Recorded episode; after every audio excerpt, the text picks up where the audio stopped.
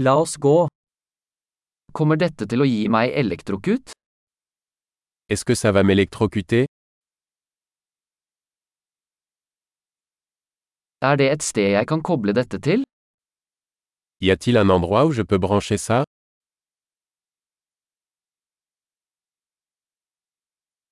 Kunne du koblet denne til? Pourriez-vous brancher cela Kan du koble fra denne? Pourriez-vous débrancher cela Har du en adapter for denne typen plugger? Avez-vous un adaptateur pour ce type de prise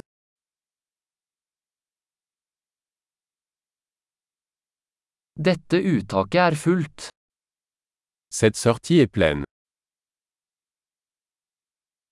Før du kobler til en enhet, sørg for at den kan håndtere strømuttakets spenning.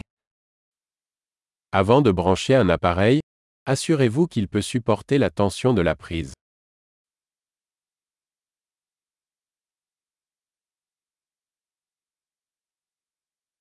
Har du en adapter som fungerer for dette? Avez-vous un adaptateur qui fonctionnerait pour cela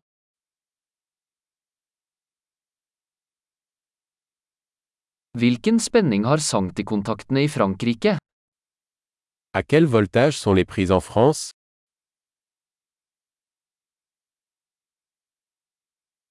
Når du kobler fra en elektrisk ledning, trekk den i terminalen, ikke i ledningen. Lorsque vous débranchez un cordon électrique, tirez-le par la borne et non par le cordon.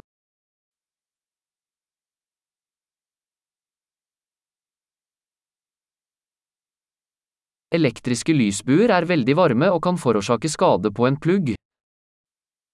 Les arcs électriques sont très chauds et peuvent endommager une prise.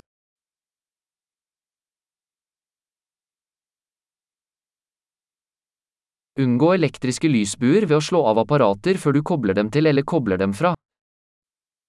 Évitez les arcs électriques en éteignant les appareils avant de les brancher ou de les débrancher.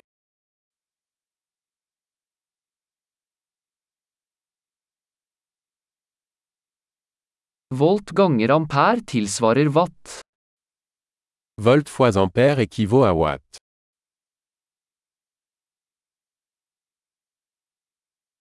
Elektrisitet er en form for energi som er et resultat av bevegelse av elektroner. L'électricité est une forme d'énergie résultant du mouvement des électrons.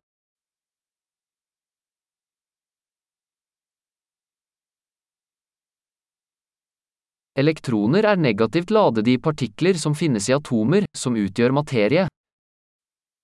Les électrons sont des particules chargées négativement présentes dans les atomes, qui constituent la matière.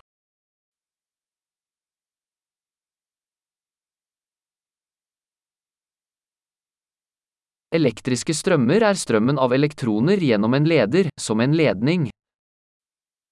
Les courants électriques sont le flux d'électrons à travers un conducteur, comme un fil.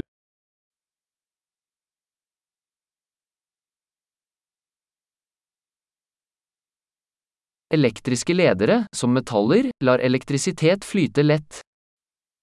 Les conducteurs électriques, tels que les métaux, permettent à l'électricité de circuler facilement.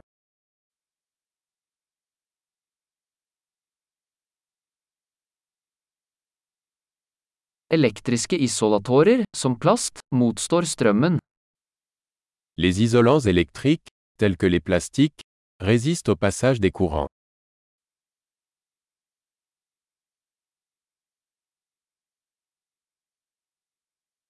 Elektriske kretser er baner som lar elektrisitet bevege seg fra en strømkilde til en enhet og tilbake. Les circuits électriques sont des chemins qui permettent à l'électricité de passer d'une source d'alimentation à un appareil et inversement.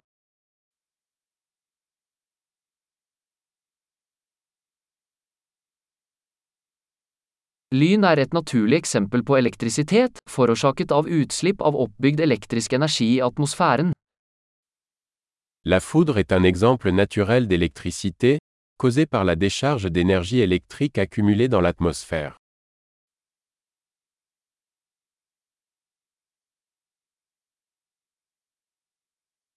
Elektrisitet er et naturfenomen som vi har utnyttet for å gjøre livet bedre.